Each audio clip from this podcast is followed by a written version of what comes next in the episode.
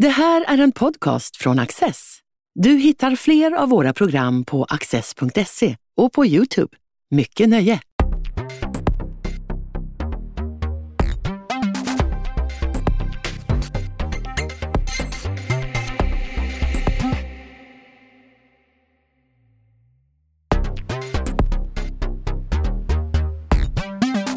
Inklämt mellan giganterna Kina, Ryssland och Japan befinner sig den koreanska halvön.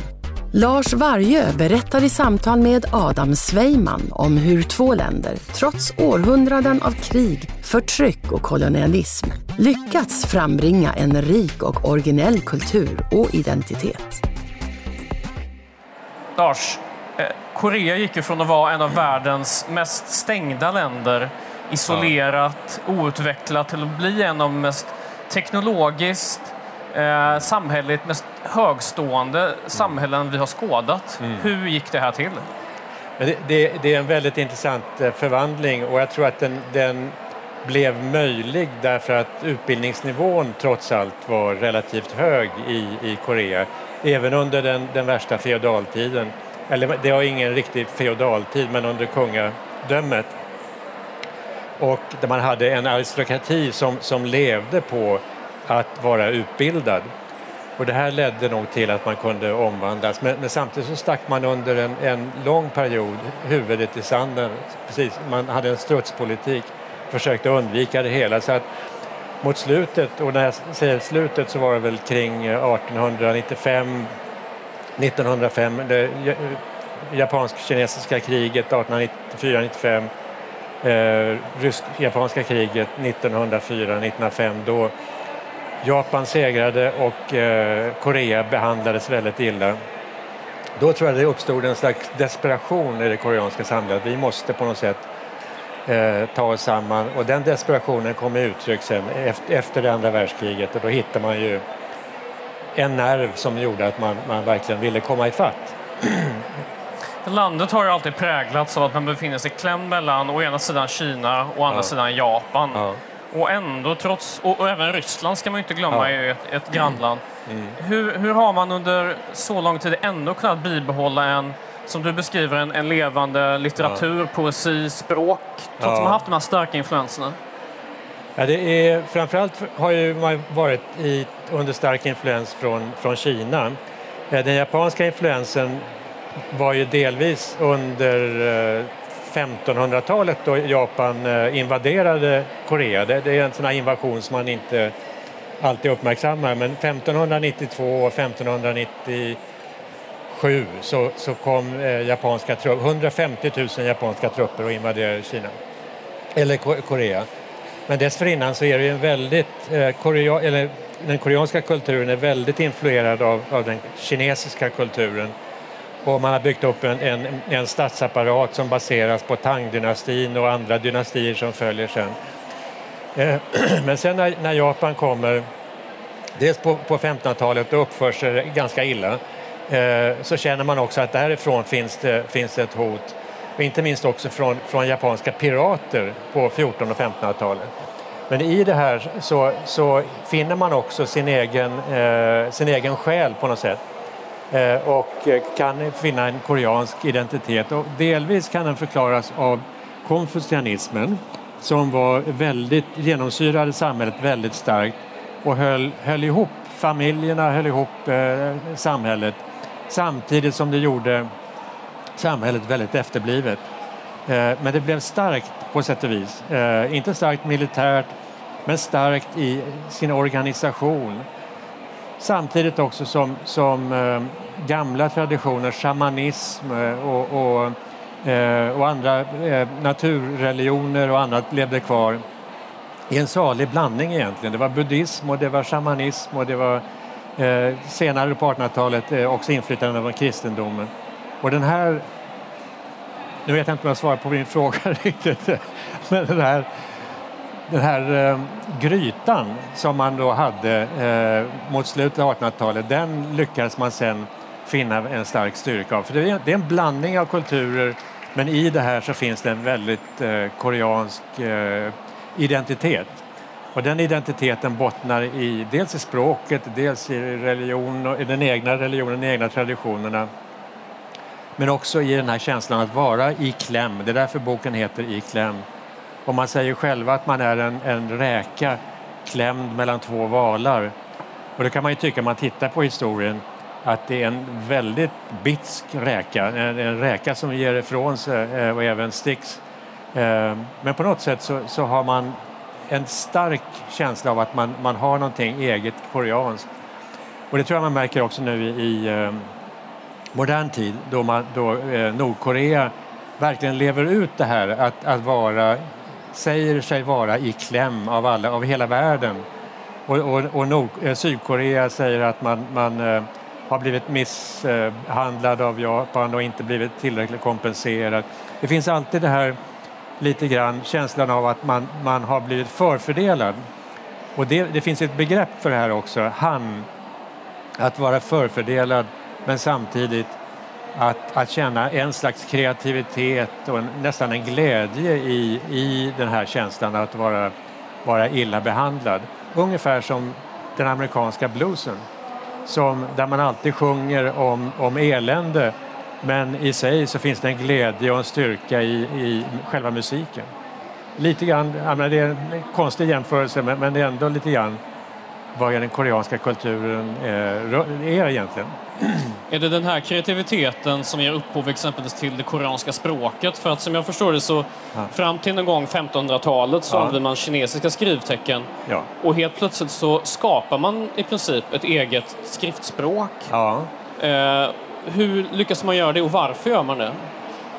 Anledningen till att man gjorde det, det är ju att den kinesiska eh, grammatiken är helt annorlunda jämfört med den eh, koreanska grammatiken och den, den japanska. Koreanska och japanska är ganska snarlika, har ganska snarlika strukturer. Men den koreanska, eller den kinesiska, de kinesiska texterna eh, läste man med hjälp av olika tekniker. Man använde andra kinesiska tecken för att eh, uttala det på rätt sätt, att, att få den grammatiska strukturen eh, korrekt. Och till slut så blev det otympligt. Och då var det på, på order av en, en kung som hette Sejong. Han har i alla fall fått äran av att ha tagit initiativ till det här. På 1443 eh, tror jag det var som, som eh, beordrade helt enkelt sina tjänstemän att komma fram med ett system, ett fonetiskt system. Eh, sen började man använda det i kombination med, med kinesiska tecken. Ungefär som man idag fortfarande i Japan använder kinesiska tecken i kombination med två fonetiska system. Sen har man på, på 1900-talet, eh, i Nordkorea avskaffade allt vad kinesiska tecken heter omedelbart. Medan i Sydkorea så har man eh, fram till ungefär slutet av 70-talet, i början på 80-talet så har man gradvis avskaffat i texterna kinesiska tecken och bara har det här fonetiska systemet. Men det baserar sig väldigt mycket på eh, kinesiska låneord, också, även om grammatiken är annorlunda. Så att det, det, vi har ju lånat in mycket tyska, eh, franska uttryck och engelska uttryck. Eh, ungefär på samma sätt så har de lånat in kinesiska uttryck, eh, kinesiska ord, men har sin egen grammatik. Om vi stannar någonstans där vid 1500-1600-talet så ja. vi är ju idag väldigt vana vid att eh, Korea är uppdelat i ett Nord och Sydkorea. Ja. Men faktum är att det verkar ju tillhöra någon sorts normalitet snarast ja. i Koreas historia. Att man är uppdelad i en nordlig del, en västlig del, var tidigare ja. en östlig del. Ja. Varför, trots att man har en sån gemensam koreansk identitet, så verkar man ja. ändå vara splittrad nästan hela tiden? Ja, man har haft i och för sig en relativt lång tid varit enade. Den här eh, sista Chosons-dynastin eh, var ju enad från slutet av 1300-talet till, till 1910, då, 1905 kan man säga. Men det är riktigt, alltså det har varit uppsplittrat på flera olika riken, flera koreanska riken. Eh, och det, det, ja, det, svaret är egentligen att det finns både och. Det finns en känsla av att ja, men varför ska vi överhuvudtaget återförenas?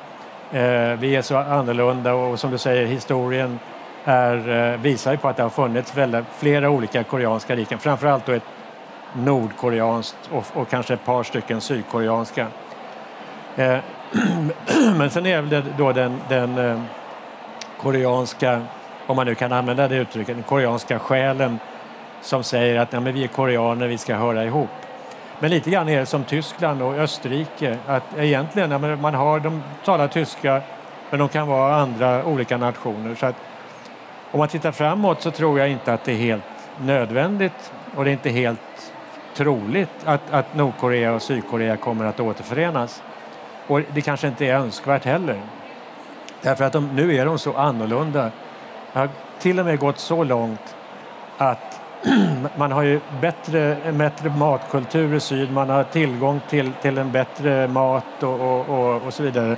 Att det finns skillnader i medellängden. På bara så kort tid, 70 år drygt, eh, så har eh, eh, Nordkorea och Sydkorea blivit annorlunda. Dessutom så har ju nordkoreanerna inte tagit in utländska lånord på samma sätt eh, som Sydkorea. Och, och, många av de här nordkoreanska flyktingarna som tar sig till Sydkorea nu de har svårigheter till att börja med att förstå vad, vad vissa ord betyder och har svårt att anpassa sig. Så att gradvis så, så, så, går de åt olika håll. Och även om det skulle vara så att de kommer fram till en slags fredlig lösning så är, kommer det vara, ta väldigt lång tid för dem att kunna samarbeta. Men även historiskt så har man ju haft en uppdelning, alltså att eh, som du nämnde tidigare, man har både haft buddhism, ja. neokonfucianism, yes. eh, shintoism som har kommit från Japan. Man har haft ja. olika religioner, ja. olika språkliga eh, så influenser. Nord har varit mer påverkat av Kina, även om man nu har förkastat kinesiskan helt och hållet och syd, sydöst varit mer påverkad av Japan. Ja. Men ändå har man ju lyckats vara enad i alla fall rätt lång tid. Finns det ändå inte lite hopp där? att ja. Man har ju varit väldigt splittrad, men det har gått ja. ändå. Ja, jo, jag, jag tycker det. Och det här, eh, just, just det här att i södra delen av halvön så hade man då en stat som hette Pekche och en annan som hette Chilla. Det fanns också en som hette Kaya längst söderut. Och det här skapat väldigt regionala identitet, starka regionala identiteter. Så att i dagens samhälle dagens sydkoreanska samhälle så, så är det fortfarande så att, att den där personen kommer från, från den regionen, därför är han sån eller hon sån. Eh, och är man president och kommer från en annan region, ja, då vill man stödja de som kommer från den regionen. Så det blir en regional splittring som gör att till och med inom Sydkorea så, så finns det den här spänningen. Eh, och jag tror att i Nordkorea så finns det samma sak fast ingen vågar yttra det. Eh, och det finns också så att, att vissa provinser har ju delats av den 38 breddgraden. Jag tror att det finns en viss samhörighet, en känsla av samhörighet för, i de här provinserna som har splittrats, så att vi hör samman, inte nödvändigtvis därför att vi är Nordkorea, Sydkorea, utan vi tillhör den här provinsen. Mm. Så att det, det är, Nordkorea är ett exempel på hur det har varit en ständig rivalitet, en ständig fraktionalism eller fraktionalism och eh, en ständig splittring samtidigt som man då talar om det koreanska. Det, samtidigt är det som gör Korea så vitalt på något sätt. Det är hela tiden en kamp. Och vi började ju med, med Kina och Japan, de har påverkat landet väldigt mycket. Låt oss tala lite om den första kontakten med Europa. Ja. För den tycks ju ha varit blodig, ja. brutal och rätt konstig. Ja, onekligen. Eh, man slöt sig, både Japan och Korea slöt sig för omvärlden. Eh, och japanerna, när de svarta skeppen från USA kom 1853 så eh, insåg man att eh, västerlandet i form av USA eh, är alldeles för starkt. Vi klarar inte av det här och vi vill inte gå eh, samma öde till mötes som Kina under opiumkrigen och så vidare. Medan man i Korea stack huvudet i sanden och sa att nej, absolut ingenting, eh, inga kontakter. Eh, och 1866 så var det en stor massaker på, på katoliker och det var in i det sista så stod man emot eh, från då, eh, kungadömets sida, det koreanska kungadömets sida. Så att det, det, det, har varit ett, ett land som, som kämpade in i det sista mot att, att, att förvandlas och sen när det var dags att förvandlas, när man insåg att ja, vi måste på något sätt, då var det för sent. Då hade Japan redan eh, etablerat sig där och Kina fanns där. Och både det rysk-japanska kriget och det japansk-kinesiska kriget utspelades ju på den koreansk, mycket på den koreanska halvön i stort sett på grund av att koreanerna själva inte tog sig samman eh, och, och, och, och, satte sitt eget hus i ordning. Men, men eh, Nu kommer jag inte riktigt ihåg vad frågan var från början. Ja, kontakt, kontakten med Europa och, Ja, förlåt, och kristna förlåt. missionärer också. Ja, de kristna missionärerna var ju väldigt viktiga. Därför att många av dem, eh, det var framförallt de presbyterianska missionärer från, från, eh, från USA. Eh, De kat- katolska missionärerna från Europa, de kan man, de kan man säga misslyckades till en början, men de kom även sen också. Men de första kontakterna, det var ju då när Korea var, var slutet på, på 1600-talet. Och eh, det var framförallt eh, ett det bästa exemplet är när, när en holländskt fartyg förliser i närheten av Korea, strandar och, och man är tvungen att ta sig i land. Då, då, då sa den eh, koreanska eh, regelverket att ni får inte lämna landet, ni måste vara kvar. Och så blev man då först väldigt illa behandlade, eh, torterade lite grann, men sen så blev man anställda som vakter i, i, i kungens hov. Så att det var en väldigt eh, märklig eh, berättelse. Det, det, det var en eh, holländare som heter Hammel som har skrivit en bok om det här också. Så att sen blev det ju mer och mer så. Européerna var ju intresserade av Kina, de blev intresserade av Japan och så småningom blev man också lite intresserad av Korea därför att det fanns där mittemellan. Eh, och de, de, de eh, beskrivningar av, av koreanerna som, som eh, européerna eh, gjorde i form av redogörelser och så vidare de jämförde koreanerna med japanerna, jämförde koreanerna med kineserna. Eh, Och den jämförelsen var både positiv och negativ. De, eh, de beskrev ofta koreanerna som väldigt förtjusta i att inte arbeta. Eh, väldigt lata helt enkelt och, och bara satt och söp och, och spelade musik. Medan man idag talar om, om, om eh, koreanerna som otroligt flitiga och otroligt... Eh, så, här, så att det, det är som eh, den, eh, eh, de blinda och elefanter man tar på olika delar. Eh, Så allt det här finns ju i, i Korea naturligtvis. Kanske inte att man är lat längre utan det är ett väldigt flitigt samhälle. Efter de första kontakterna med Europa Ja. så börjar Japan komma med att etablera sig mer Ja. och mer. Och det verkar vara en, en nästan sorts smygande kolonisering. Det är inte så att det Ja. kommer, nu kommer man med kanoner och, Nej. och soldater utan man liksom infiltrerar landet och till slut så bara, nej det här är vårt. Hur går det till när Japan gör Korea till en koloni? Ja, till att börja med så, så lärde man sig snabbt av, av eh, västerlandet. Man köpte brittiska kanonbåtar. Eh, Då talar vi om 1860-talet, 1870-talet. Så redan 1876 så var man med, med eh, eh, örlogsfartyg i, i koreanska hamnar och tvingade fram ett avtal med Korea och, som var ett, ett orättvist avtal på samma sätt som, som Japan hade varit tvungen att, att sluta avtal med, med, med andra västerländska länder. Sen, sen är det en konflikt, eller en, som du säger, en slags smygande inflytande. Men till att börja med så var man inte helt säker på japansk sida om man, vad man skulle göra i Korea. Men en berömd japansk politiker sa att, att eh, och då med, med tanke på hur, vad de europeiska staterna hade för ambitioner, sa att den här koreanska halvön, det är som en dolk i den japanska midjan. Vi måste på något sätt ta bort det hotet. Så mer och mer började man diskutera att man skulle kontrollera Korea. Och Korea blev ju mer eller mindre förklarat inkompetent av omvärlden de, då, i och med att de stack huvudet i sanden. Så då, då såg japanerna att de kunde, hur de skulle behandla det hela. Och sen fanns det också en ambition att Asien hade misslyckats att stå emot i Kina. Asien hade misslyckats att stå emot i Japan självt. Och nu skulle man visa att man är i Asiens representant och, och ska på något sätt eh, visa att den civilisationen den är stark och den, den är hö, högtstående. 1905 hade man kommit så långt då när man hade segrat i det rysk-japanska kriget att, att man helt enkelt tog över eh, den koreanska statsapparaten och 1910 då så annekterade man, man eh, Korea. Och då betraktar man koreanerna som lägre stående eh, varelser därför att de inte hade kunnat hantera omvärlden tidigare.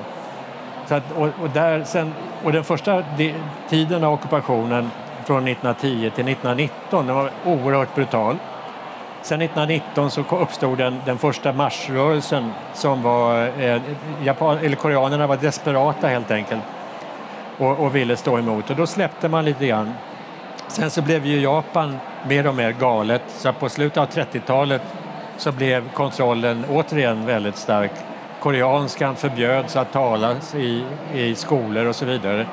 Så att det blev eh, en, en, en total eh, kontroll över, över det koreanska samhället och man, man gjorde Jap eller Korea till ett slags Japan. Tvingade dem att, att eh, acceptera den shintoistiska religionen. Sen ändrades det här då i slutet av andra världskriget på, en, eh, på ett bräde. Så här. Och eh, sovjetiska trupper gick in den åt, ja, eh, i slutet av kriget efter det att den första atombomben släpptes över Hiroshima så förklarade Sovjetunionen Japan krig. Och så kom USA och Sovjetunionen överens om att mötas halva vägen. Sen så drog man sig undan från båda håll och sen var det koreanska ambitioner som, som gjorde att det splittrades i två olika riken. Eh, men, men eh, det, det var ett, ett slags, en, inte en blomma, men en växt som, som kom ut ur, ur eh, kroppen så att säga. Och, och det kunde, den kunde se ut hur som helst, ingen riktigt visste. Det blev en, en, en stalinism på nordsidan, det blev en till att börja med hårdför kapitalism på, på sydsidan, sen en demokrati, vital demokrati på sydsidan. Och det är också en av anledningarna till att det kommer att bli jättesvårt att återförenas. Men du skriver ändå när, när utsända exempelvis journalister från Sverige kommer till, ja. till Korea tidigt 1900-tal ja. så talar de om hur det japanska inflytandet på ja. eh, infrastrukturen, byråkratin, trots att det är en jättehård för kolonisatör så är det också en sorts civiliserande kraft. Eh, det är lite dubbelt där. Det är lite dubbelt. Och det är onekligen så att japanerna såg till att eh, Korea moderniserades, såg till att det blev industrier, såg till att, att eh, folket blev välmående. Och det är det idag som japanerna använder som argument. Att ja, men, vi fixade ju ert land, vi såg ju till att, att det blev bättre. Men det här är ju det är en diskussion att även om man, man koloniserar ett land så kan man inte använda det som ett argument för att göra det. Eh, och det, det, säger man då från koreansk sida. Men visst, alltså det, det, det, fann, det var ändå en eh, svensk journalist som hette Hjalmar Kassell som jobbade för Svenska Dagbladet och som skrev väldigt intressanta artiklar från 1905 eh, under rubriken Asiatiska brev. Och där beskriver han just det här hur eh, han beundrar egentligen japanerna för hur snabbt de bygger järnvägar, hur snabbt de borrar, borrar sig genom tunnlar och, och, bygger hamnar och så vidare. Samtidigt som han sympatiserar med, med koreanerna och tycker att de har hamnat lite i skymundan. Så att visst, men, men det japanska inflytandet var helt enkelt både positivt och negativt. Och det, det här positiva, det vill inte koreanerna idag tala om och det vill japanerna tala om. Och det som händer efter kriget är ju att du har både den japanska kolonisationen bakom dig. Ja. Sen kommer det andra världskriget som ändå påverkar ja. eh, Korea rätt mycket. Sen kommer Koreakriget, ja. oerhört brutalt. Ja. Och ändå reser sig egentligen båda länder till en början rätt ordentligt. Ja. Hur, hur kan man förklara det? Varför, hur kan de stå ut med så mycket? Ja, det, jag vet inte vad, det, vad svaret är på den, på den frågan egentligen. Men, men visst är det så. Jag tror att det, man kan delvis förklara det med utländsk hjälp. I Nordkorea så fick de väldigt mycket hjälp från Sovjetunionen och i Sydkorea så fick man väldigt mycket hjälp från, från USA. Eh, men krig, kriget var ju förödande. Hela halvön var ju förstörd i stort sett och miljoner människor eh, hade, hade dödats. Civila och, och många soldater. Men jag tror att det, ja, det, det var med hjälp av, av utlandet, med hjälp av utländska investeringar som man eh, kunde klara av. Och i Nordkorea så var det ju så att japanerna hade etablerat sina industrier i norra delen av Korea. Elektriciteten fanns där så att när splittringen skedde, eller när Koreakriget var slut 1953, det som fanns kvar av industrier och annat, det fanns i nord så att då, 53, då var Nordkorea mycket rikare än, än Sydkorea som i stort sett var en jordbruksbygd eller ett jordbruksland. Så att det, det, det verkliga koreanska miraklet det har ju skett i, i Sydkorea. Medan då i, i Nordkorea har man gått från att ha alla dessa resurser till att kollapsa helt enkelt därför att man har haft ett mycket märkligt politiskt system. Korea dyker ju upp alltså, jämt och ständigt i nyhetsbevakningen nu. Ja. Eh, vad, vad, tycker du är det största missförståndet kring Nordkorea? Eller vad, vad, är det man i, i alla fall i västvärlden, i Sverige, inte förstår gällande Korea? Ja, I Nordkorea, jag har varit där några gånger och träffat Nordkoreaner på andra sätt. Det, det, det man slås av att det här är ju inga, inga robotar, det är, inga, liksom, det är, det är människor det också. Um, sen är de ju styrda och man kan ana att, ungefär som tidigare under kalla kriget, man kunde ana att de tyckte någon annorlunda, någonting som de inte sa eller tvärtom, de sa någonting som de inte tyckte. Så att man vet inte riktigt hur, vad som finns där bakom. Exempelvis så den, kristendomen var ju starkast också i Pyongyang tidigare. Och, och, man kan fråga sig då, finns det en slags gömd kristen rörelse i, i Nordkorea? Men missförståndet är väl, jag vet, inte om vi, jag vet kanske inte om vi missförstår dem så mycket utan det, det, det är ett fruktansvärt politiskt system i Nordkorea men man måste komma ihåg att det finns vanliga människor där också som har vanliga mänskliga ambitioner och som senare kanske kan bli en politisk kraft. Det är mycket möjligt. Och det finns också, men att människorna, eller familjerna har ju splittrats i, av Koreakriget.